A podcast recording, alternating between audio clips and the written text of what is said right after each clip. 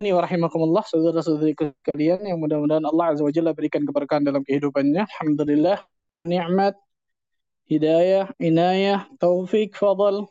Ya Allah curahkan Allah berikan kepada diri kita semua. Sehingga pada kesempatan yang berbahagia ini Allah Subhanahu wa taala masih memberikan berbagai macam kenikmatan kepada diri kita. Sehingga kita dapat mengikuti kajian online via Clubhouse ini. Mudah-mudahan Allah Azza wa Jalla selalu berikan keikhlasan bagi diri kita untuk mengikuti kajian ini sehingga kita bisa mendapatkan ilmu yang bermanfaat. Allahumma amin. Salam dan salam semoga tercurah kepada Nabi kita Muhammad sallallahu alaihi wasallam, Nabi akhir zaman, Nabi yang telah membawa kita dari zaman kejahiliahan, dari zaman kebodohan, dari zaman keterasingan akan ilmu menuju zaman yang terang benderang akan ilmu syar'i yaitu zaman as-sunnah. Pertama-tama, ikhwani wa khatibuddin, rahimani wa rahimakumullah, saya minta maaf mungkin mulai hari ini kita agak undurkan kajian kita karena uh, setiap hari Kamis ini, Kamis genap ini sebenarnya pada saya ada kajian antara maghrib dengan isya di salah satu masjid di Cempaka Putih.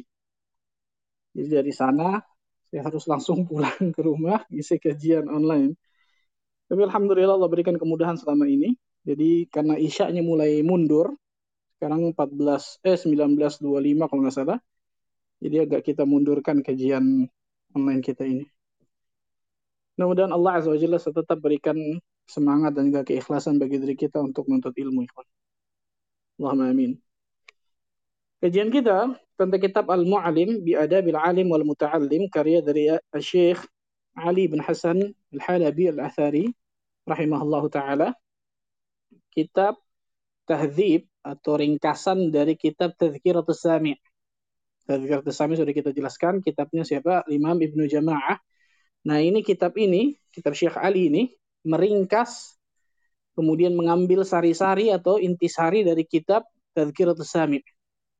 Kemudian ada yang beliau tambah juga dari kitab-kitab beliau dari buku apa dari perkataan beliau dari dari kemudian perkataan ulama salaf. Jadi kitab ini luar biasa bagus masya Allah. Kemarin sudah kita jelaskan dari uh, dua biografi secara singkat dari Imam Ibnu Jamaah yang memiliki kitab aslinya, kemudian Syekh Ali bin Hasan Ibn Abdul Hamid Al-Athari Al-Halabi rahimah, rahimahullah ta'ala juga sudah kita jelaskan.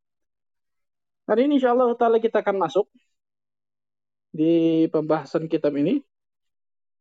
Yang pertama, muallif rahimahullah ta'ala berkata, Bismillahirrahmanirrahim.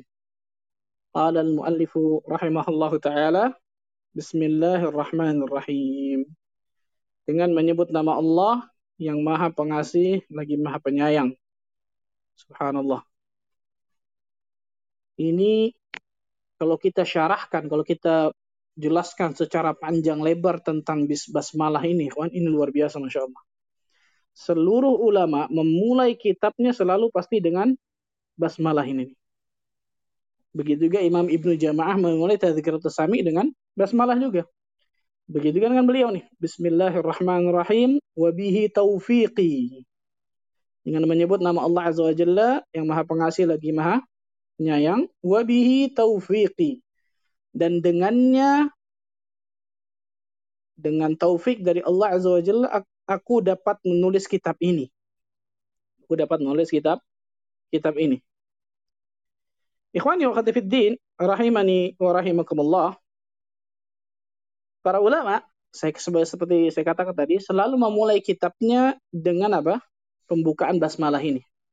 Pembukaan dengan basmalah. Dan ini menjadi kultur kata para ulama, menjadi kultur kebiasaan para ulama ketika menulis kitabnya dengan basmalah. Dan ini ada sebabnya, ya, Jadi bukan cuma ngikut-ngikutan aja ulama lain basmalah basmalah juga bukan cuma itu. Tapi ada sebabnya yang di dalamnya ternyata mengandung makna yang luar biasa dalamnya kalau kita benar-benar melihatnya. Paling tidak ada empat sebab kalau kita mau jabarkan secara secara terperinci gitu. Ada empat sebab. Para ulama memulai kitabnya dengan basmalah. Jadi hari ini kita bahas basmalah doang nih Bahkan kalau kita bahas panjang lebar, nggak mungkin kita bahas panjang lebar mas malah karena panjang lebar, masya Allah. Nah, apa yang menjadi sebab para ulama memulai kitab-kitab mereka dengan basmalah? Yang pertama, iqtidaan bi kitabillah. Mengikuti kitabullah, mengikuti Allah Azza wa Jalla di dalam kitabullah. Mengikuti Allah tabaraka wa taala di dalam kitabullah. Karena Allah Azza wa Jalla memulai Al-Qur'anul Karim dengan bismillahirrahmanirrahim. Allah Azza wa Jalla memulai setiap surat dengan bismillahirrahmanirrahim kecuali surat At-Taubah. Nah, ini yang pertama kata para ulama, iqtidaan bi kitabillah, mengikuti kitabullah mengikuti Al-Quranul Karim yang Allah memulai Al-Quran dengan basmalah. Yang kedua, iqtidaan bi Rasulillah sallallahu alaihi wasallam. Mengikuti Rasulullah sallallahu alaihi wasallam.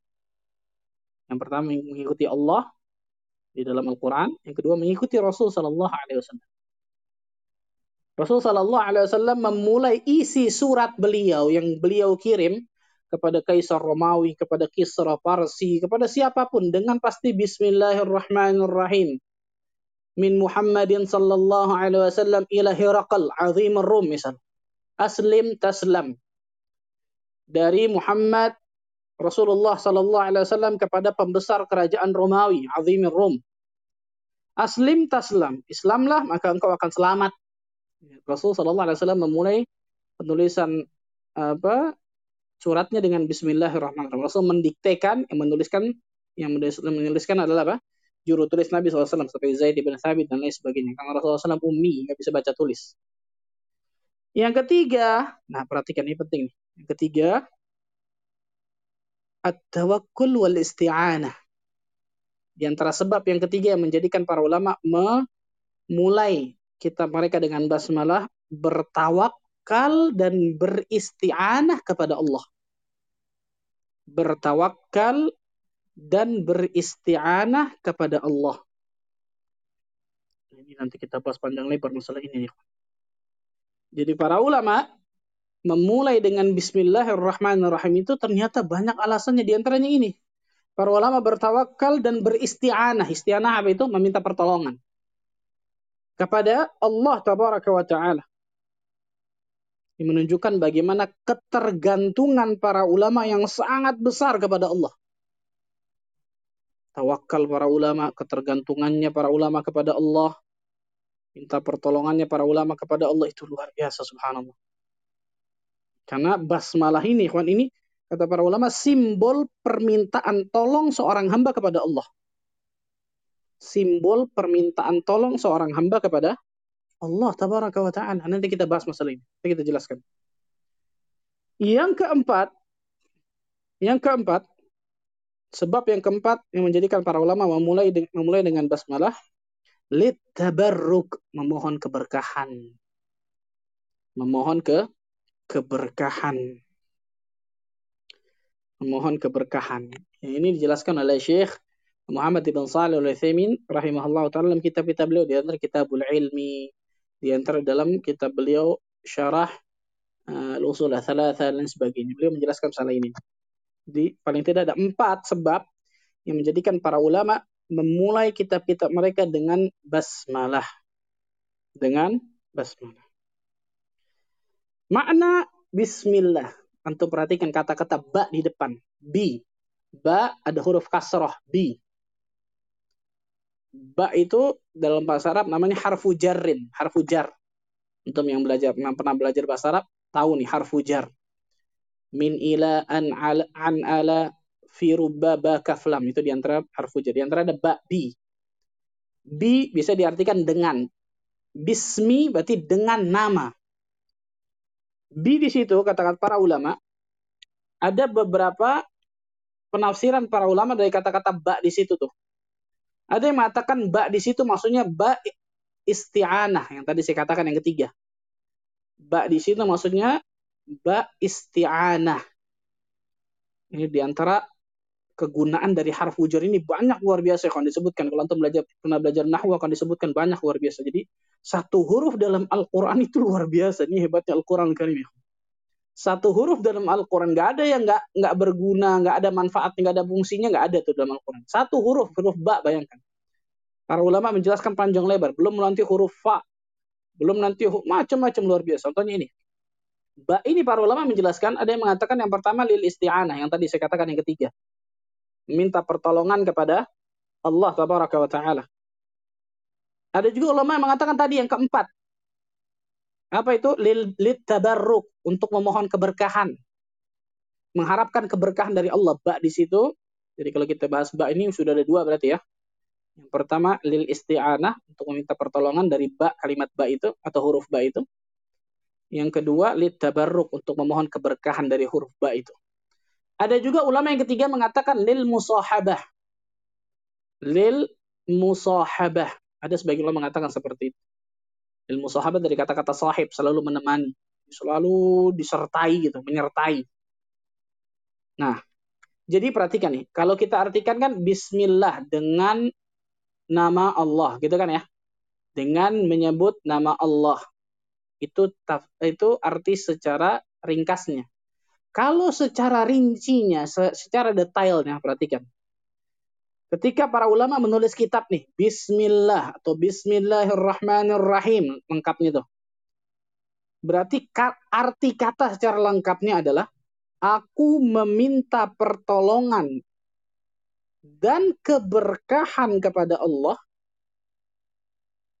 Antum bayangkan ini huruf bismillah ya banyak seperti ini. Hebatnya ulama Masya Allah ya. Aku meminta pertolongan dan keberkahan kepada Allah dalam penulisan buku ini. Dalam penulisan apa? Buku ini dengan menyebut namanya yang maha pengasih dan maha penyayang. Nah, itu maknanya tuh ya. Itu makna secara detail. Jadi bukan hanya Bismillahirrahmanirrahim dengan menyebut nama Allah yang maha pengasih lagi maha penyayang. Tapi maknanya ini nih. Aku meminta, memohon pertolongan kepada Allah dan keberkahan kepada Allah ketika aku menulis buku ini dengan menyebut nama Allah yang maha pengasih lagi maha penyayang. Ya subhanallah. Untuk bayangkan luar biasa nih. Ada sebuah hadis, sebuah hadis ini sebenarnya banyak didhaifkan oleh para ulama. Satu hadis ini banyak didhaifkan oleh para ulama. Tapi kata para ulama, hadis ini secara turuk, secara jalan, secara sanatnya itu banyak sanat, banyak tariqahnya, banyak jalannya. Ada yang mengatakan karena dhaif, dhaif, dhaif, semuanya dhaif, akhirnya jadi terangkat menjadi hasan li ghairihi. Ada juga yang mengatakan walaupun hadis ini dhaif tapi secara makna yasih diterima hadisnya. Di antara yang menghasankan li ghairihi hadis ini adalah Syekh bin Baz rahimahullah taala, kemudian Al-Imam Ibnu Salah. Apa itu hadisnya? Kullu amrin dzibalin la yabda'u bi bismillah fahuwa abtar fi riwayah aqta. Segala perkara yang tidak dimulai ini perkara yang baik jelas ya. Segala perkara yang baik yang tidak dimulai dengan bismillah maka dia terputus keberkahannya terputus ini maksudnya terputus keberkahan. Saya katakan tadi, hadis ini, riwayat ini banyak didhaifkan oleh para ulama, tapi banyak ulama yang mengatakan karena banyaknya jalan dari riwayat yang satu dengan menguatkan satu dengan lain menjadikan hasan li hadis ini.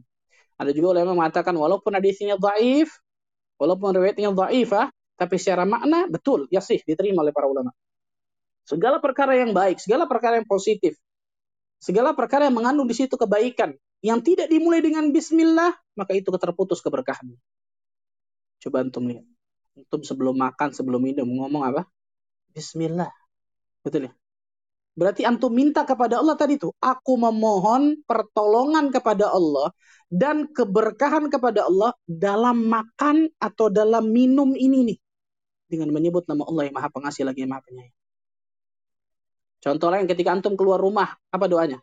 Bismillahi tawakkaltu 'ala Allah la haula wala quwata illa billah. Betul ya? Berarti pada saat itu artinya apa tuh? Aku memohon pertolongan dan keberkahan kepada Allah ketika aku keluar rumah ini nih. Ketika aku aktivitas di luar rumah ini dengan menyebut nama Allah yang Maha Pengasih lagi Maha Penyayang. Bantu yang luar biasa nih. Ketika antum apa? Membaca, menulis sama seperti menulis kitab kan, menulis kitab, membaca kitab. Mulai dengan bismillah. Sama, aku memohon pertolongan, keberkahan dari Allah ketika aku menulis, ketika aku membaca. Dengan menyebut nama Allah yang maha pengasih lagi maha penyayang. Bahkan ketika antum mendatangi istri antum, yang halal jelas, subhanallah. Apa doanya? Di antum ketika datangi istri, jangan main hajar aja, subhanallah betul. Doa sama Allah Azza Karena dia tidak, Rasul mengatakan apa? Syaitan akan ikut andil dalam jima itu tuh. Na'udzubillah min dzalik. Apa doanya? Bismillahi Allahumma jannibna syaitan wa jannibi syaitan ma razaqtana. Bismillah pertama. Lihat. Berarti aku memohon pertolongan kepadamu ya Allah dan keberkahan dari apa? Dari jimaku ini kepada istriku agar bernilai agar bernilai ibadah, agar Allah tolong, agar Allah berikan keberkahan dengan menyebut namanya yang Maha Pengasih lagi Maha Penyayang. Bayangkan. Dan ini dalam segala perkara ya, dalam segala yang positif, dalam segala perkara yang baik, kita mulai dengan kata-kata Bismillah. Nah, Mbak tadi nah katakan ada tiga ya. Ada lil isti'anah, ada lil, lil tabarruk, ada lil musahabah. Ada sebagian Allah mengatakan lil musahabah. Artinya apa? Sahib. Tahu antum sahib? Teman. Berarti dekat. Maksudnya apa? Sebagian Allah mengatakan ketika kita minta kepada Allah, Bismillah berarti kita minta kepada Allah, Allah selalu menyertai dalam aktivitas dalam kehidupan kita tuh. Maka kita mengucapkan Bismillah. Allah sebagian Allah mengatakan seperti itu.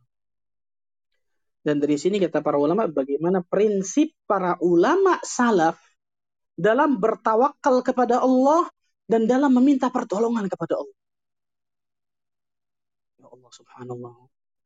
Kalau kita baca syarah lebih benar-benar jelas masalah basmalah ini kita akan merinding benar-benar ya. Bayangkan. Ini prinsip para ulama terdahulu.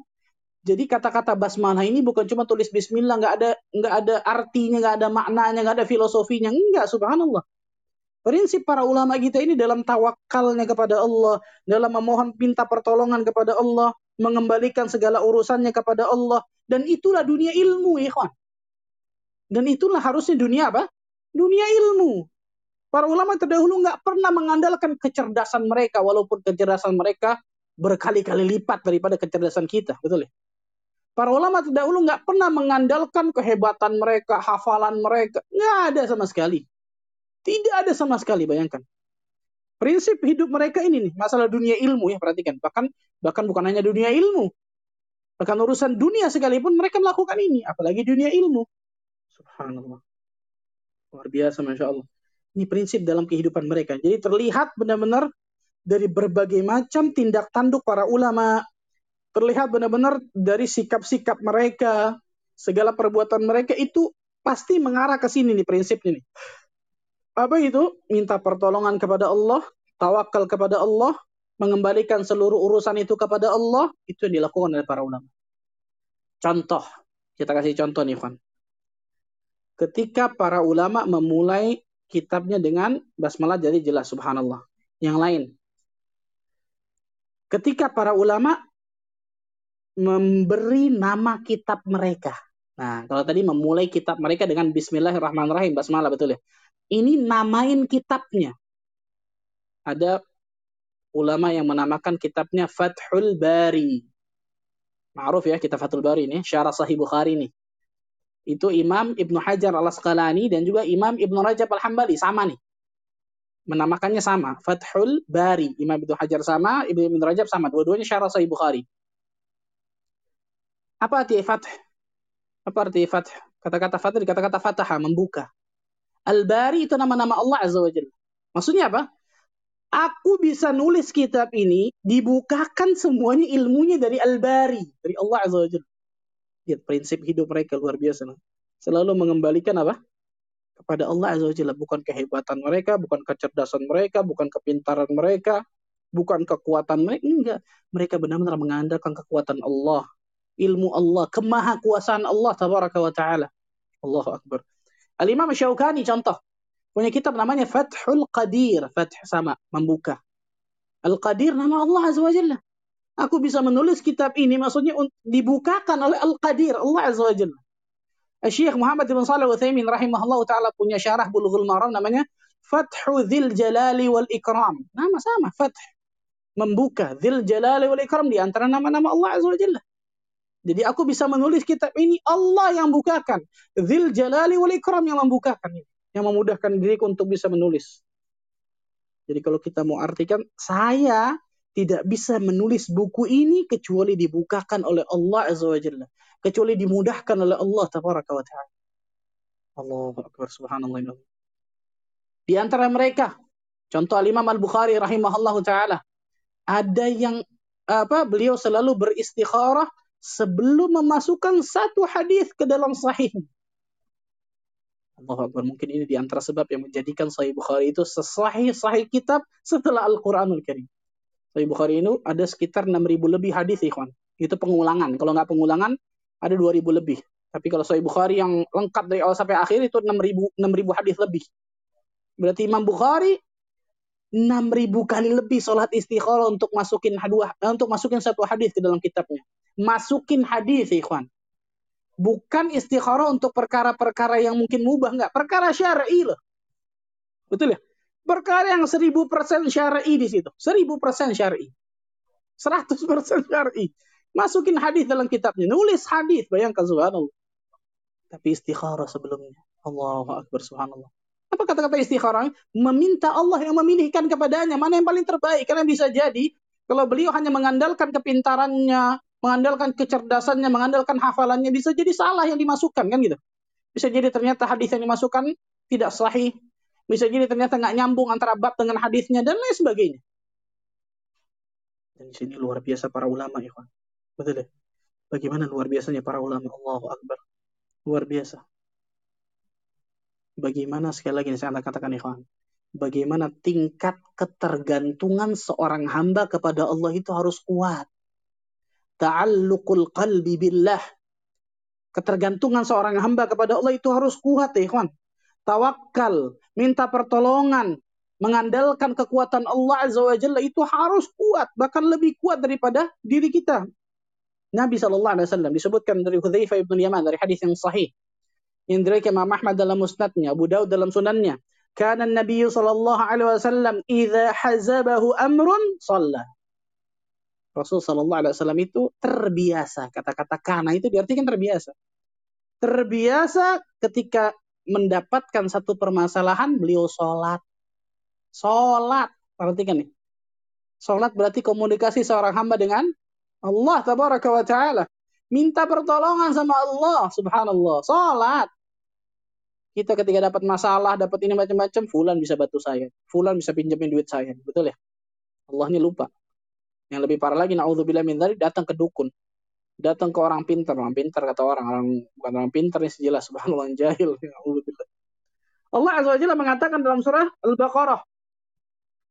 Ayat ke-45 apa? Wasta'inu bis sabri wassalah innaha lakabiratun illa illa kabiratun illa 'alal khashi'in. Minta pertolongan lihat ista'inu kata-kata wasta'inu itu perintah loh kalimat perintah fi'il amr di situ menunjukkan kalimat perintah. Minta pertolonganlah kalian dengan sabar dan sholat. Jadikanlah sabar dan sholat itu sebagai pertolonganmu. Kalian minta pertolongan dengan itu dengan sabar dan sholat. Dan Allah sebutkan wa innaha lakabiratun illa 'alal khashi'in. Dan sesungguhnya yang demikian itu berat kecuali bagi orang-orang yang khusyuk. Ya Allah ya Karim. Al-Hafidh Ibn Kathir rahimahullah ta'ala menyebutkan dalam kitab tafsirnya, tafsir Al-Quran Al-Azim, menerangkan tentang ayat ini nih, Allah memerintahkan hambanya untuk menjadikan sabar dan sholat sebagai pijakan bantuan dalam meraih apa yang mereka harapkan dari kebaikan dunia dan akhirat. Dan inilah harus kita seperti ini, ikhwan, dalam kehidupan kita. Menjadikan Allah tabaraka wa taala sebagai sebagai pijakan kita, sebagai bantuan kita. Nomor satu nggak bukan yang lain, bukan orang kaya, bukan raja, bukan penguasa, Allah tabaraka wa taala nomor satu. Inilah yang menjadikan para ulama salaf terdahulu ketika mereka masuk ke dapur mereka, mereka berkata apa? Mintalah kepada Allah segala hal sampai garam dan gula dalam dapur kalian minta kepada Allah. Inilah yang menjadikan para sahabat Nabi radhiyallahu anhum jami'an ketika mereka berjalan sandal mereka putus, mereka mengangkat tangan ke langit, "Ya Allah, sandalku putus, tolong gantikan." Tingkat ketergantungannya kepada Allah sangat luar biasa. Rasulullah sallallahu alaihi wasallam bersabda dalam sebuah hadis yang sahih dari Imam Tabrani dan Imam Hakim, "Syaraful mu'min qiyamuhu bil lail wa 'izzuhu istighnahu 'anil nas." Kemuliaan seorang mukmin ketika dia bangun di tengah malam. Bangun tengah malam ya lail ibadah, salat malam, mendekat kepada Allah khalwat. Dan kekuatan seorang mukmin, keperkasaan seorang mukmin ketika dia tidak membutuhkan manusia di dalam hidupnya. Berarti, berarti dengan kata lain dia mem, dia sangat membutuhkan Allah dalam hidupnya. Perhatikan ikhwan, ini berat. Saya katakan ikhwan, ini berat. Ini berat. Kita nggak membutuhkan manusia dalam hati kita loh ya. Nggak butuh manusia dalam hidup kita. Bukan berarti sombong ya. Tidak, bukan itu maksudnya. Tapi dalam hati kita, keyakinan kita, kekuatan diri kita, Allah yang bisa bantu saya, bukan yang lain. Ini nggak gampang, ikhwan. Ini kalau bukan taufik yang Allah berikan kepada kita, kalau bukan dengan latihan, dengan ilmu yang rasih, ya Allah berat luar biasa. Yang saya katakan tadi itu, kita dapat ujian, cobaan, musibah aja yang terpikir si fulan bisa bantu saya. Apalagi yang lain betul ya. Nabi Shallallahu Alaihi Wasallam ketika ada permasalahan apa? Salah kata Hudzaifah. Terbiasa untuk mengerjakan apa? Mengerjakan sholat. Dan itulah sholat yang sebenarnya kata para ulama ikhwan. Karena ketika seseorang sholat tadi itu berperan sebagai apa? Sebagai permintaan tolong seorang hamba, permintaan perlindungan seorang hamba, mengadunya seorang hamba kepada Allah dari berbagai macam kesulitan, kesedihan, kegundahan. Itu harusnya seperti itu. Nah, ini prinsip ini banyak orang apa menyalahinya nih atau banyak orang yang lalai dan lupa nih subhanallah. Jadi kata-kata basmalah ketika mengawali awal surat ini ternyata Allah Akbar. Panjang lebar bisa masuk ke mana-mana loh ikhwan. Bisa masuk ke mana-mana luar biasa subhanallah. Nah, ini sebutkan para ulama tentang ini. Contoh lain ketika seseorang dalam sholatnya. Rasul Shallallahu Alaihi Wasallam mengatakan apa? Aqrabu ma yakunul abdu min rabbih wa huwa sajidun du'a. Sedekat-dekatnya seorang hamba kepada Rabbnya adalah ketika dalam keadaan sujud maka perbanyaklah doa dalam keadaan sujud itu. Ya Allah. Sujud, ikhwan. Kita merendahkan kepala kita lebih rendah daripada bokong kita. Betul ya? Makanya tidak boleh seseorang ruku dan sujud kecuali kepada Allah. Perhatikan nih. Ketika sujud, fa'aksirud doa. Kata Nabi SAW. Perbanyak doa. Kenapa? Karena pada saat itu serendah-rendahnya, sehina-hinanya seorang hamba kepada Rabbnya. Dia tidak boleh tujukan kecuali hanya kepada Allah itu sujud itu. Dan itulah di antara hikmah kenapa pada saat sujud itu doa itu sangat makbul. Doa itu sangat besar kansnya untuk dijabah oleh Allah Azza wa Jalla. Nah, pada saat itu seorang hamba benar-benar sedang menghinakan dirinya kepada Allah dan sedang meninggikan, mengagungkan Allah setinggi-tingginya. Semulia-mulianya. Dan dari sinilah ikhwah, perhatikan nih. Dari sinilah tingkat ketergantungan seorang hamba dilihat ya subhanallah. Allahu akbar subhanallah. Contoh lain dalam masalah apa seorang hamba selalu para ulama salaf terdahulu selalu mengembalikan kepada Allah Azza wa Jalla ketika mereka menghadapi perkara khilaf. Ini disebutkan oleh Syekhul Islam Ibn Taimiyah rahimahullah dalam kitabnya begitu juga Imam Az-Zarnuji di dalam kitabnya Ta'limul Muta'allim. Syekhul Islam dan juga Imam Az-Zarnuji mengatakan bahwa ketika para ulama menghadapi masalah khilafiyah, antum misalnya nih, ada Ustadz A ngomong boleh, Ustadz ini ngomong nggak boleh, Ustadz ini ngomong syubhat, Ustadz ini ngomong haram, Ustadz ini ngomong makruh. Yang paling pertama untuk melakukan apa? Ngambil yang enak Ustadz, nggak bahaya nih. Betul. Tetap khas ngambil yang enak aja ya salah nih. Ini total salahnya, bahkan fatal salahnya kalau yang seperti ini penuntut ilmu kayak gini. Terus apa yang antum lakukan? Cari dalil yang sahih Ustadz. Yang pertama bukan itu. Para ulama terdahulu yang paling pertama mereka lakukan doa kepada Allah ketika ada perkara khilaf dan mungkin subhanallah sama-sama kuat mungkin khilafnya dalilnya dan lain sebagainya. Yang paling pertama mereka lakukan doa. Karena kalau tiba-tiba nyari dalil ini aib kata para ulama. Berarti menunjukkan apa? Tadi balik lagi. Ketika ada satu permasalahan nggak kembalikan kepada Allah yang paling pertama. Yang paling pertama harus dilakukan doa kepada Allah. Bahkan sebagai ulama ada yang istikharah sebelum mereka apa? Mencari dalil untuk menguatkan pendapat yang ingin mereka kuatkan. Allahu akbar. Dan pasti berbeda. Orang yang pertama dengan orang yang kedua. Orang yang pertama ketika temukan khilaf doa dulu. Setelah doa baru cari loh. Mana dalil yang lebih sahih, mana kemudian yang pendapat yang lebih rajin dan sebagainya. Tapi pertamanya doa dulu minta pertolongan sama Allah. Sama orang yang kedua tiba-tiba langsung nyari dalil. Oh buka ini buka Google, bah Google betul ya. Atau sekarang alhamdulillah ada YouFit, masya Allah cari oh ini yang lebih rajin kayaknya sebagainya pasti akan berbeda hasilnya yang pertama sama yang kedua. Kenapa? Karena yang pertama menggantungkan kepada Allah, kalau yang kedua hanya menggantungkan kepada dirinya dan kehebatannya saja. Baik dia sadar atau dia tidak sadari loh. Yang pertama, benar-benar menggantungkan kepada Allah taala. Para ulama terdahulu ketika mereka tadi tuh, mereka ada ada perselisihan pendapat. Mereka doa kepada Allah di antara doa yang diajarkan oleh Nabi Shallallahu alaihi wasallam dan doa ini sering dibaca oleh Nabi ketika beliau salat malam di dalam doa iftitahnya. Doa iftitah atau doa istiftah. Apa doanya di antaranya? Kita mungkin hafal satu doang nih, Allahumma ba'id dan sebagainya. Atau yang paling pendek, subhanakallahumma kan gitu. Nah, ini di antara doanya nih, kon. Dalam sebuah hadis yang sahih dari kang Muslim, Allahumma rabba Jibril wa Mikail wa Israfil fatir as-samawati wal ard alim al-ghaibi wa syahada anta tahkumu baina ibadik fima kanu fihi yakhtalifun. Lanjutannya apa? Ihdini lima ikhtulifa fihi minal haqqi biizni biiznik innaka tahdi man tasha'u ila siratal mustaqim. Ya Allah, dari awal nih. Rabbnya malaikat Jibril, Mikail, Israfil, pencipta langit dan bumi, yang mengetahui hal gaib dan juga yang nyata.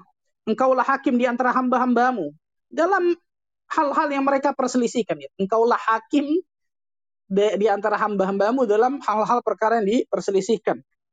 Dengan izinmu, sesungguhnya engkau memberi petunjuk menuju jalan yang lurus kepada siapa yang engkau kehendaki. Ya, ini di antara doa doa para ulama yang berdoa nih. Apa doanya? Ihdini lima ikhtulifa fihi minal haqqi biiznik apa? Ihdini tunjukkan aku ya Allah. Beri petunjuk kepada aku ya Allah dari perkara yang mereka perselisihkan. Mana yang hak nih? Dengan izinmu ya Allah. Allahu akbar. Ketika mereka ada perselisihan yang mereka ternyata itu khilaf di kalangan mereka memahami dalil dan sebagainya yang paling pertama mereka doa kepada Allah baru kemudian nyari nyari dalil subhanallah dan ini juga contoh lain contoh lain bagaimana tingkat ketergantungan seorang hamba itu luar biasa pentingnya ikhwan ketika azan yang setiap hari kita dengar insya Allah lima kali. Ada kata-kata hayya ala salah, hayya ala falah. Betul ya? Mari menuju salat, mari menuju kemenangan. Kita ngucap apa coba?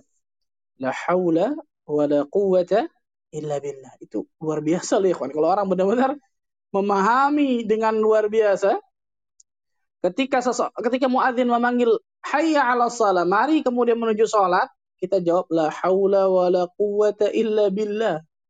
Apa artinya yang biasa kita artikan tidak ada daya dan upaya kecuali dari Allah Azza wa Jalla kan gitu. La haula wala quwata illa billah. Jadi tidak mungkin kita bisa menyambut seruan muadzin tersebut kecuali dengan pertolongan Allah. La haula wala quwata illa billah. Hayya 'ala hayya 'alal falah. Mari menuju kemenangan kan gitu. Nggak mungkin kita bisa menuju kemenangan, izzah, kemuliaan dan lain sebagainya kecuali itu semua la haula wala quwata illa billah dengan kekuatan dan karunia Allah azza wajalla.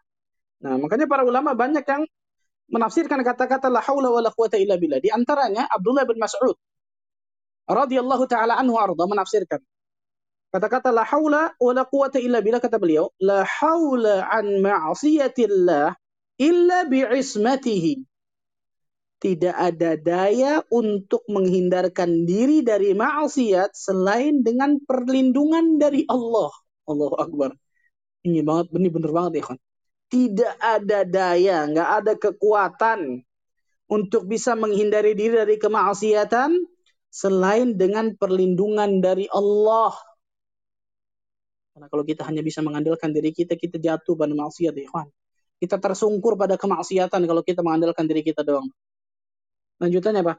Wala quwata ala ta'atihi illa bima'unatihi.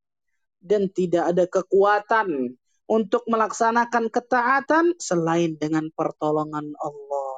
La ilaha illallah. Ini luar biasa Masya Allah.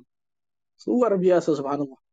Tafsiran dari Abdullah bin Mas'ud ini luar biasa. La hawla wa la quwata illa billah. Yang ini artinya La hawla an ma'asiyatillah illa bi'ismatih tidak ada daya untuk menghindarkan diri dari maksiat kecuali dengan perlindungan dari Allah. Wala quwata ala ta'atihi illa bima'unatihi dan tidak tidak ada kekuatan untuk melaksanakan ketaatan selain dengan pertolongan Allah. Betul banget. Kita tidak akan pernah mungkin bisa melakukan ketaatan kecuali dengan pertolongan Allah kita tidak akan mungkin pernah bisa terhindar dari kemaksiatan dosa kecuali dengan bantuan Allah perlindungan dari Allah tabaraka wa taala maka kita jawab la haula wala quwata illa billah ketika muadzin mengatakan hayya 'ala shalah hayya 'ala falah. Di antaranya adalah tadi Saya nggak bisa melakukan sholat berjamaah ini nih, nggak punya kekuatan sama sekali, nggak bisa melakukan ketaatan sama sekali, kecuali Allah berikan pertolongan sama saya. Dan ini menunjukkan tadi sekali saya katakan apa? Bagaimana tingkat ketergantungan seorang hamba kepada Rabbul Alamin. Bagaimana seorang hamba itu benar-benar selalu apa? Mengandalkan kekuatan Allah tabaraka wa taala kembali kepada Allah, isti'anah, tawakal, minta pertolongan kepada Allah, bertawakal kepada Allah dengan sebenar-benarnya. Baru ini yang benar. Baru ini yang dibenarkan. Ah ini disebutkan para ulama tentang kata-kata bismillah. Ar-Rahman dan juga Ar-Rahim. Secara singkat ada kata-kata bismillah Allah. Yang pertama Allah, nama Allah. Nama Allah kata para ulama ini hanya nama hak kekhususan Allah. Nggak boleh yang lain dinamakan Allah. Makanya ketika seseorang ingin menamakan nama Allah, maka di depannya harus ditambahkan kata-kata abd. Abdullah, hamba Allah. Kenapa? Karena kata-kata Allah ini asalnya dari kata-kata al-ma'luh yang artinya al-ma'bud, yang sesembahan atau yang disembah. Itu Allah secara singkat. Ar-Rahman dan juga Ar-Rahim sebenarnya terambil dari kata-kata yang sama. Apa itu? Rahmat. Terambil dari kata-kata apa? Rahmat. Rahmat Allah, kasih sayang Allah. Tapi bedanya Ar-Rahman, kasih sayang Allah meliputi seluruh makhluk. Ini Ar-Rahman. Seluruh makhluk mau kafir, mau muslim, mau fasik, mau munafik, Allah kasih rahmannya Allah. Allah kasih rahmannya Allah. Tapi kalau Ar-Rahim khas lil mu'minin. Tapi kalau Ar-Rahim khusus kepada orang-orang mukmin berupa apa? Berupa hidayah, berupa taufik, berupa inayah yang Allah berikan kepada khusus kepada orang-orang mukmin.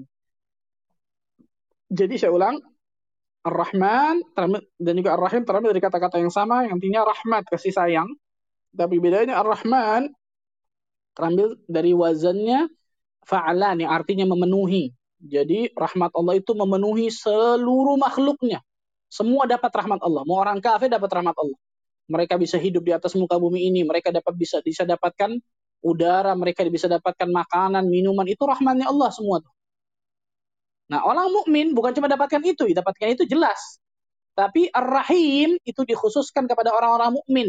Orang mukmin dapatkan tadi, dapatkan rahman Allah jelas itu subhanallah secara umum, tapi juga dapatkan yang khusus. Apa itu? Hidayah, taufik. Ditunjukkan oleh Allah Azza wa Jalla mana jalan kebenaran dan diberikan kemudahan oleh Allah Azza wa Jalla untuk menjalankan jalan kebenaran tersebut dengan mudah. Nah, itu disebutkan para ulama tentang itu. Itu secara singkat ya tafsir atau penjelasan dari kata-kata Bismillahirrahmanirrahim. Saya singkat, singkat. Mudah-mudahan Allah Azza wa Jalla berikan kemudahan kita untuk bisa memahami. Allah alam silakan mungkin ada yang bertanya. Masya Allah, tabarakallah. Jazakumullah khair Ustaz. Ini uh, dalam banget Ustaz masalah basmalah dan terakhir tadi la haula wala quwata illa billah. Silakan buat teman-teman yang ingin bertanya uh, bisa raise hand tapi Bang Zul, anak belum jadi moderator, jadi belum bisa lihat nih Bang Zul. uh, yang angkat tangan nih Bang Zul.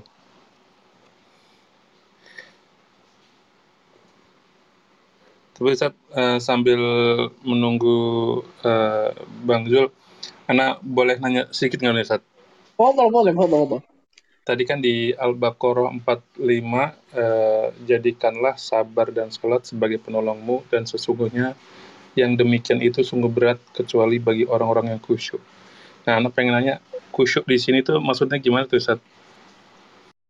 Ayo, anak. Khusyuk pada hakikatnya terambil kata-kata khasya yakhsha'u yang artinya tunduk. Yang artinya tunduk. Nah, ini secara apa? Lugah bisa dikatakan. Secara lugatan, secara bahasa, kata-kata khusyuk di sini tidak lain tidak bukan terambil dari kata-kata khasya'a, yakhsya'u yang artinya khada'a. Yang artinya tunduk. Nah, kata para ulama, kewajiban bagi seorang muslim dan muslimah untuk tunduk kepada Allah tabaraka wa taala.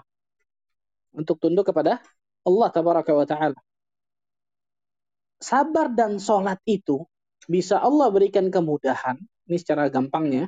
Sabar dan sholat itu bisa Allah Azza wa berikan kemudahan kepada orang-orang yang tunduk akan perintah dan larangan Allah dan Rasulnya. Itu secara gampangnya tuh.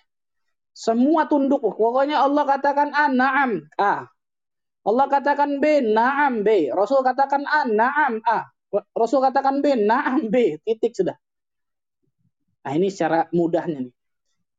Pertolongan sabar dan sholat itu bisa Allah berikan kemudahan bagi orang-orang yang khusyuk. Di antara tafsirannya, di antara apa penjelasannya bagi orang-orang yang tunduk kepada Allah dan Rasulnya.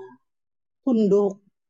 Karena Islam ini kan artinya di kata-kata apa uh, berserah diri, tunduk, patuh, kan gitu ya. Itu Islam kata-kata Islam tuh ikhwan. Kalau apa Islam itu dari kata-kata sebaliknya menentang ya bukan bukan tunduk namanya rafid dalam bahasa Arab. Gitu rafid. Maka rafidah itu kan menentang subhanallah, menentang ke apa kekhilafan Ali dan sebagainya sebagainya. Nah, kata-kata khasyiin sebutkan oleh para ulama di antara maknanya adalah tunduk bagi orang-orang yang tunduk kepada Allah dan Rasulnya tunduk akan perintah dan larangan Allah dan Rasulnya maka mereka lah orang-orang yang Allah berikan kemudahan untuk bisa meminta pertolongan dengan sabar dan sholat itu secara ringkas secara gampang lah. Allah alam Masya Allah. Jazakumullah Ustaz. Ini uh, ada pertanyaan di back channel. Uh, izin anda bacakan ya Ustaz. Assalamualaikum, mohon pencerahan dan nasihatnya. Bagaimana jika ada dua orang yang pernah melakukan zina dan kedua orang ini melakukan di saat keduanya sudah sama-sama menikah? Tanggung jawab apa yang harus dilakukan oleh kedua orang ini, baik perempuan maupun laki-laki? Jika keduanya ingin bertaubat, apakah keduanya harus menikah atau tidak? Demikian Ustaz. Bentar, dia sudah nikah terus mau zina apa maksudnya saya nggak paham pertanyaannya nah eh, kalau yang tangkap sih eh, dua orang ini pernah melakukan zina dan dua orang ini melakukan di saat keduanya sudah sama-sama menikah gitu Ustaz. Nah, terus? Nah, eh, ujungnya, pertanyaannya ujungnya kenapa terus menikah? Menikah lagi? Eh, mungkin eh, dua A sama B ini sama-sama menikah dengan pasangannya masing-masing saat kemudian mereka berzina nih. Nah, mungkin pertanyaannya uh, apakah harus menikah nih bercerai dengan yang sekarang misalnya? Kalau alam hmm. mungkin itu. Allah musta'an subhanallah. Ikhwani wa fid din rahimani rahimakumullah. Pertanyaan-pertanyaan semodel seperti ini, ikhwan. Pertanyaan-pertanyaan yang paling banyak dilayangkan oleh para ustadz ini. Bukan cuma saya nih. Bukan cuma saya, banyak luar biasa. Bahkan saya melihat langsung ketika Al-Ustadz Al-Fadhil, Ustadz Ahmad Zainuddin, ditanya persis sama pertanyaan seperti ini. Saya dulu berzina Pak Ustadz dan lain sebagainya. Ini menunjukkan apa? Bagaimana luar biasanya, parahnya apa? Uh, buruknya tentang akhlak manusia subhanallah zaman sekarang ini. Bagaimana bahayanya ketika seseorang pergaulan pertemanan yang nggak ada filternya antara laki-laki dan perempuan dan lain sebagainya. Dan menakutkannya adalah Rasulullah SAW mengatakan idza dhahara zina war riba fi qaryah faqad ahallu azab Allah kama qala alaihi. Ketika sudah merajalela riba dan perzinahan di satu tempat, satu daerah, maka daerah tersebut, tempat tersebut telah mengundang azab Allah Azza wa Jalla datang kepada mereka. Allahu akbar. Nauzubillah min dzalik maka kewajiban kita untuk bertakwa kepada Allah Azza wa Jalla ikhwan. Bertakwa kepada Allah. Jangan sampai dari kemaksiatan yang kita lakukan tersebut mengundang azab Allah Azza wa Jalla kepada diri kita dan itu luar biasa bahayanya. Ini yang pertama. Yang kedua, diwajibkan bagi siapa pun yang melakukan pernah melakukan perzinahan untuk bertaubat kepada Allah dengan taubatan nasuha. Dia jalankan syurutut taubah, dia jalankan syarat-syarat taubatnya agar Allah berterima taubatnya tersebut. An-nadam yang pertama, menyesal akan perbuatan dosa itu. Nyesel, nangis sama Allah, nyesel. Yang kedua, al-iqla' meninggalkan langsung perbuatan itu. Bukan kemudian, oh, udah Ustaz tanggung nih. Salah ini, ninggalin langsung perbuatan itu. Nah banyak orang nyesel, nyesel nggak ninggal-ninggalin. Salah. Yang ketiga, al-azam. Bertekad kuat untuk tidak mengulangi perbuatan dosa itu. Dia bertaubat yang keempat, ikhlas ketika dia pada Allah tabaraka wa taala. Yang kelima, kata para ulama, memperbanyak istighfar. Memperbanyak apa? Istighfar kepada Allah tabaraka wa taala. Yang keenam, memperbanyak amal soleh setelah dia taubat. Memperbanyak amal soleh ketika dia setelah taubatnya kepada Allah tabaraka wa taala. Subhanallah. Nah, itu yang harus dia jalankan agar Allah azza wajalla terima taubatnya. Dan qadar Allah di apa negara kita kan tidak me, me, apa tidak menjalani hukum had istilahnya karena orang-orang yang berzina dan pernah menikah pada hakikatnya hukum hukum asalnya dia harus kemudian di rajam ini hukum Islamnya ya ini harus harus dirajam dengan batu sampai mati naudzubillah min dzalik kan gitu. Tapi karena kita tidak ada yang seperti ini, maka bertobatlah kepada Allah taubat dan nasuha. Allah berikan ampunan. Kemudian yang selanjutnya, ikhwan. Allah Azza Jalla mengatakan apa? La yankihu zani illa zani. Tidaklah menikah seorang apa uh, berzina kecuali dengan pezina pula. Maka tidak boleh seseorang hanya gara-gara berzina seperti ini Nah, berarti anak harus nikahi macam-macam nggak boleh kecuali dua-duanya sudah taubat. Kecuali dua-duanya sudah taubat kepada Allah, yang laki taubat, yang perempuan taubat. Ini kita bicara misal sebelum nikah ya. Si A sama si B tiba-tiba zina dan sebagainya. Oh, itu itu langsung deh nikahin deh. Taubat dulu, dua-dua suruh taubat dulu sama Allah dua-duanya. Lakukan dosa nggak sembarangan itu subhanallah naudzubillah min dzalik. Harus harus taubat dulu karena Allah mengatakan tidak menikah pezina itu kecuali dengan pezina pula. Kalau dua-duanya sudah taubat dengan taubat dan nasuha baru kemudian dibolehkan untuk kemudian menikah dan ulama khilaf tuh. Panjang lebar tentang apa? Bagaimana pernikahannya ketika dia misalnya hamil naudzubillah apakah sah atau tidak? Wah, panjang lagi urusannya Masya Allah masalah itu. Ala kulli Allah alam salaf, kalau memang tadi misalnya sudah menikah tiba-tiba yang suaminya zina, perempuan juga zina, istri la haula wala quwata. Ini keluarga apa coba subhanallah Allah berikan musibah besar kepada keluarga ini. Tapi bertobatlah Bertaubatlah kepada Allah Azza wa Jalla. Ingat, pintu taubat akan Allah selalu buka. Malam yugharghir. Sebelum nyawa kita di kerongkongan. Sebelum matahari terbit dari arah tenggelamnya, maka pintu taubat itu dibuka sama Allah selebar-lebarnya. Jadikan diri kita termasuk golongan hamba-hamba Allah yang bertaubat kepada Allah Azza wa Jalla. Bertaubat kepada Allah benar-benar. Baik yang suami atau istri bertaubat kepada Allah Azza wa Jalla. Mudah-mudahan setelah itu Allah Azza wa Jalla berikan benar-benar taubatan nasuha kepada dirinya. Dan setelah itu pilihan bagi diri mereka berdua mereka berdua kemudian mau menjalani silahkan terus dari pernikahannya atau kemudian mereka mau menyelesaikan dan sebagainya itu lain cerita subhanallah maka Allah alam besar mudah-mudahan Allah azza wajalla berikan taufik kepada kita semua Oh, Alhamdulillah. Serem banget, Ustaz. Kejadian itu. Nah. Ya, ini ada pertanyaan lagi di back channel. Izin Anda bacain lagi, Ustaz. Bismillah. Uh, Assalamualaikum Ustadz. Ana izin bertanya, bagaimana kita beroptimis dalam meraih kebutuhan kita di dunia bersama dengan ridho Allah dengan tetap memikirkan pemutus, pemutus kelezatan. Terkadang Ana melihat yang banyak mengingat kematian menjadi tidak bersemangat dalam meraih kebaikan dalam hidup seperti belum tentu punya anak, belum tentu menikah, dan lain-lain. Mohon nasihatnya Ustaz. Barakallahu. Oh, fiik barakallah. Masyaallah muslimin dan rahimakumullah. Sabda Nabi sallallahu alaihi wasallam, "Aktsiru min dzikri hadhi min ladzat." Perbanyaklah kalian mengingat pemutus kelezatan, pengingat kelezatan, di dalamnya pasti penuh dengan banyak hikmah. Perhatikan nih. Dan tidak mungkin Rasul Shallallahu Alaihi Wasallam menyuruh kita di dalamnya ternyata menghasilkan keburukan atau dampak negatif, nggak mungkin, mustahil. Maka kalau ternyata ada seseorang sering mengingat kematian, malah kemudian dampaknya malah negatif tadi tuh. Berarti ada yang salah dalam mengingat kematiannya.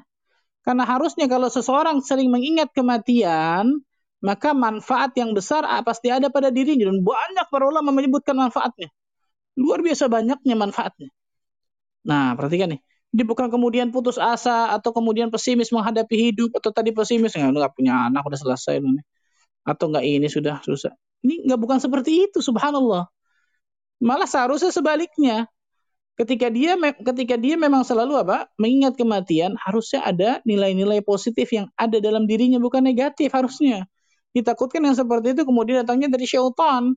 Bisikin-bisikin yang seperti itu. Intinya adalah kalau setelah kita mengingat sering mengingat kematian, menjadikan setelahnya itu kita beramal saleh, nilai positif dan lain sebagainya, kemudian menjadikan dunia ini benar-benar apa di tangan kemudian akhirat di, di, di hati bukan berarti kemudian meninggalkan dunia sama sekali ya bukan itu maksudnya salah besar subhanallah itu di antara pemahaman orang-orang sufi yang salah jelas subhanallah masalah itu nah Intinya kalau setelah dia setelah sering mengingat kematian menjadikan dia asarnya jadi baik setelahnya, pengaruhnya jadi baik itu dari Allah.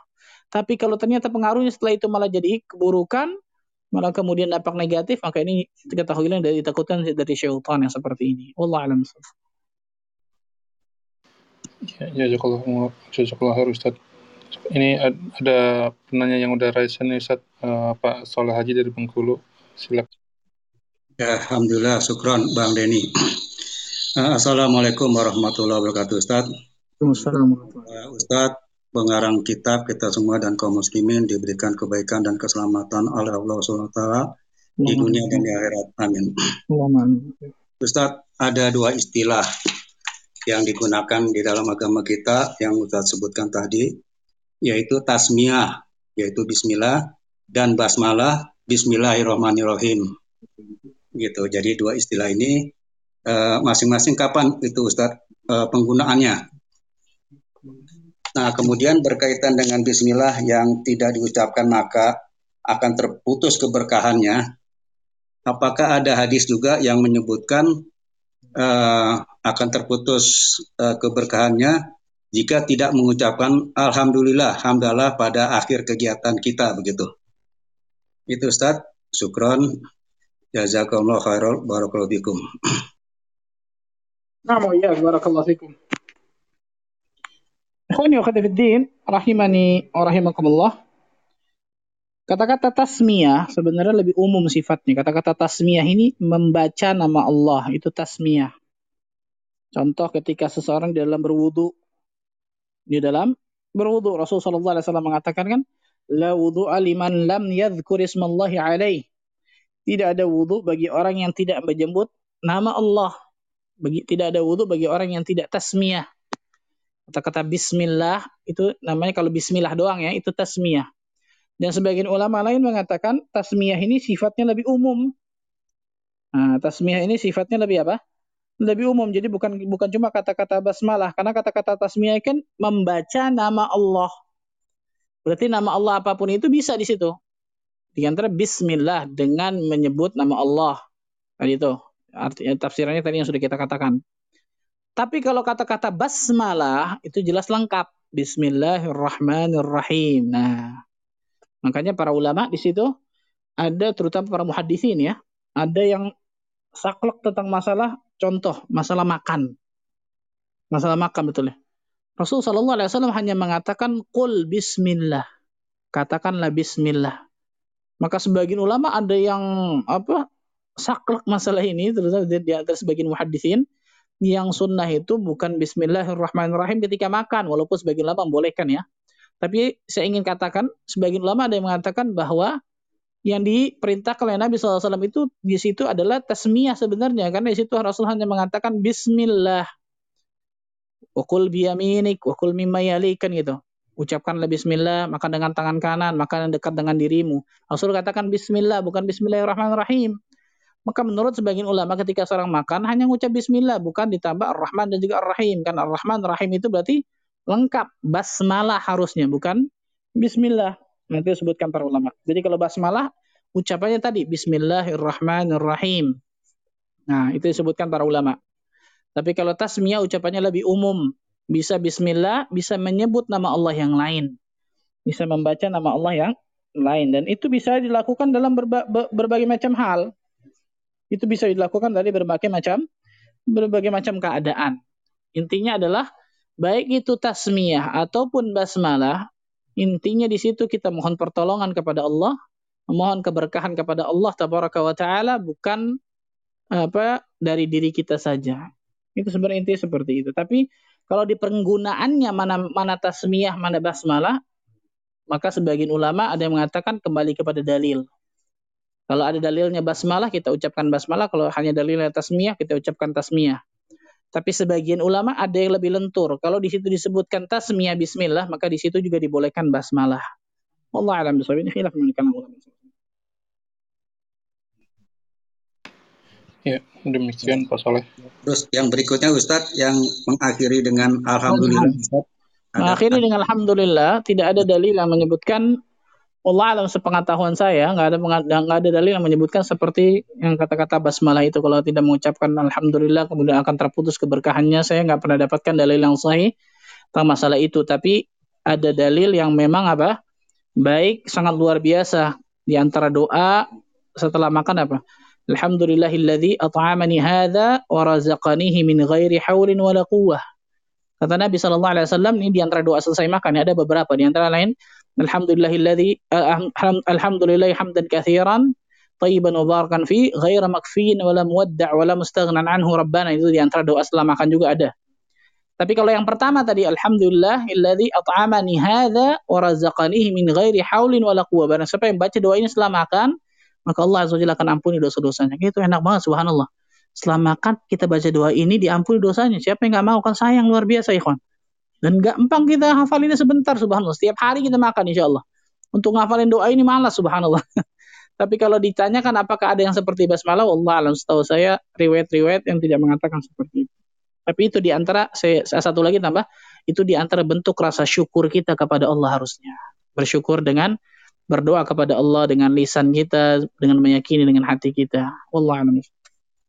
Ya, syukron Ustaz. Jazakumullah khairan. Masya Allah, kenyang kenyang juga, diampuni dosa-dosanya juga ya Ustaz. Ustaz, masih ada beberapa penanya, uh, tapi untuk masih ada waktu kah atau gimana Ustaz? Kelihatannya aduh, udah dulu ya soalnya. Siap. ini siap, siap Ustaz. Mungkin uh, sebagai penutup ada kesimpulan dari antum mungkin ada beberapa teman-teman yang baru join biar bisa dapat uh, rangkumannya juga Ustaz. Fadal Ustaz. Hmm. Berarti ini ada pertanyaan ya? Iya, langsung kesimpulan hmm. Ustaz. Barak Barakallahu fikum. Ikhwani wa rahimani wa rahimakumullah. Kita baru belajar sekelumit sedikit sebenarnya tentang basmalah karena kita karena kalau dijelaskan secara panjang lebar luar biasa lebih masya Allah lagi penjelasan para ulama tentang tafsir basmalah ini. Tapi ala kulli hal intinya adalah kewajiban kita bagi seorang muslim dan muslimah tidaklah kita memulai sesuatu kecuali di situ pasti kita memohon pertolongan Allah. Kita pasti memohon keberkahan dari Allah. Kita pasti memohon Allah Azza wa Jalla membantu kita. Kita pasti memohon kepada Allah, Allah menyertai dari perbuatan kita yang baik ini. Dan ini kita wajib harus jadikan prinsip hidup dalam kehidupan kita, ikhwan sehingga tidak ada dalam kehidupan kita ruang lingkup dalam kehidupan kita tindak tanduk kita perbuatan kita kecuali di dalamnya pasti ada Allah azza wajalla pasti itu subhanallah. Ketika kita lupa dan lalai kepada Allah hati-hati subhanallah. Bisa jadi pada saat itu ternyata Allah azza wajalla berikan keburukan kepada diri kita ketika kita melupakan Allah dalam kehidupan kita. Wallah alam sahab. Itu mungkin Allah yang kita yang kita bisa berikan. Mudah-mudahan Allah azza wajalla berikan keberkahan bagi kehidupan kita Mudah-mudahan Allah Azza wa Jalla jadikan diri kita termasuk golongan hamba-hamba Allah yang Allah berikan hidayah taufik untuk meniti syaratul mustaqim sampai nantinya Allah wafatkan kita dalam keadaan husnul khatimah. Allahumma amin rabbal alamin subhanakallah bihamdika asyhadu an la ilaha illa anta astaghfiruka wa atubu ilaik. Wassalamualaikum warahmatullahi wabarakatuh.